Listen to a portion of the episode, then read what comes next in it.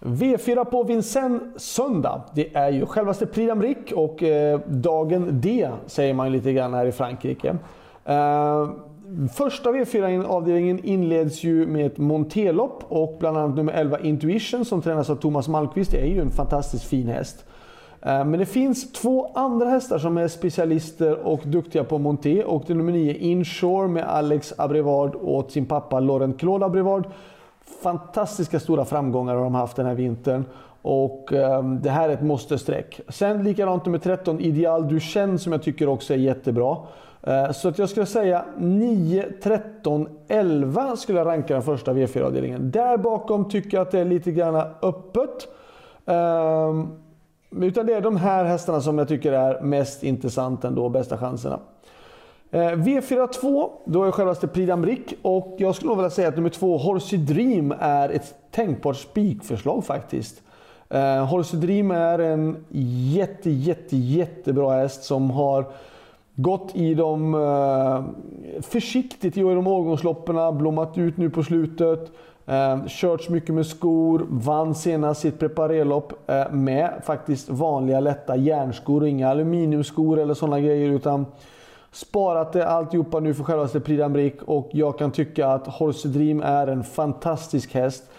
Och sen att han körs av Erik Raffin är ju en såklart stor, stor fördel och det är Erik Raffins stora chans att vinna Prix d'Amérique i år är just nu med nummer två Horse Dream. Bakom där då så är det såklart nummer 6 Idao de Tiard som är den ett år yngre hästen med den yngre kusken men också en häst med extrema fartresurser. Idao de Tiard är kapabel nog att kunna utmana. Eh, dock är hästen lite mer orutinerad och kusken också likadant lite mer orutinerad. Eh, men jag rankar loppet som två före sex. Där bakom så tycker jag självklart nummer 9 Hooker Berry med Basir själv är intressant. Han behöver ha ett lopp, vilsamt lopp vid sargen tror jag. Då skulle han kunna vara livsfarlig eh, om man får den rätta löpningen.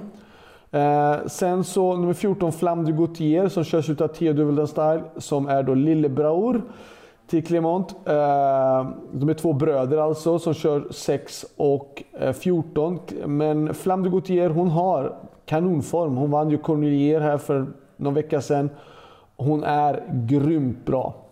Eh, själv så har jag med då eh, nummer 10 Moni Viking som känns fin. Men jag kan inte förvänta mig att han ska kunna vinna ett Prix d'Amérique ändå. Eh, skulle vi få pengar så ser jag det som en stor seger för att det är jättetufft motstånd och Moni har ju kommit tillbaka precis från en skada.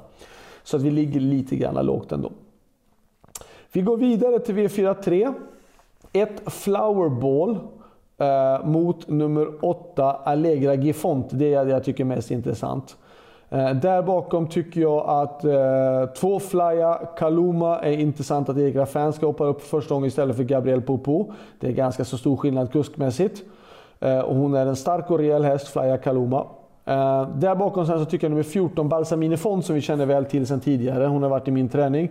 Samma sak, det är Alexandra Brevard tillsammans med Lauren Claude Brevard och det är en Super, super fartfylld, bra sto. Eh, så jag kan tycka att hon är fjärde hästen i loppet. Men jag skulle ranka loppet som 8, 1, 2, 14. Själv så kör jag nummer 13 Island Falls. Och ja, men hon är bra, absolut. Men det blir nog svårt att rå på de här bästa ändå. V44. Eh, det här loppet eh, tror jag eventuellt att nummer 10 Instrumentalist vinner.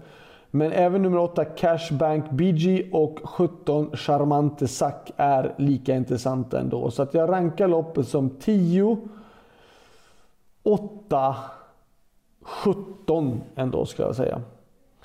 Så det var allt. Jag skulle vilja säga att det är en intressant V4-omgång. Lite favoritbetonat såklart. Eh, svårtippat i några lopp, men att hitta två spikar tyckte jag var svårt. Eh, ska man hitta en utpräglad spik ändå, då skulle jag vilja säga att jag tror att i V4-2, nummer 2 Horsey Dream med Erik Raffin. Jag tror ändå att det är hans chans, största chans eh, att kunna vinna Prix d'Amérique. Så är det i år. Jag tror att han kommer ta den. Lycka till och så hörs vi vidare. Ha det bra. Hej då!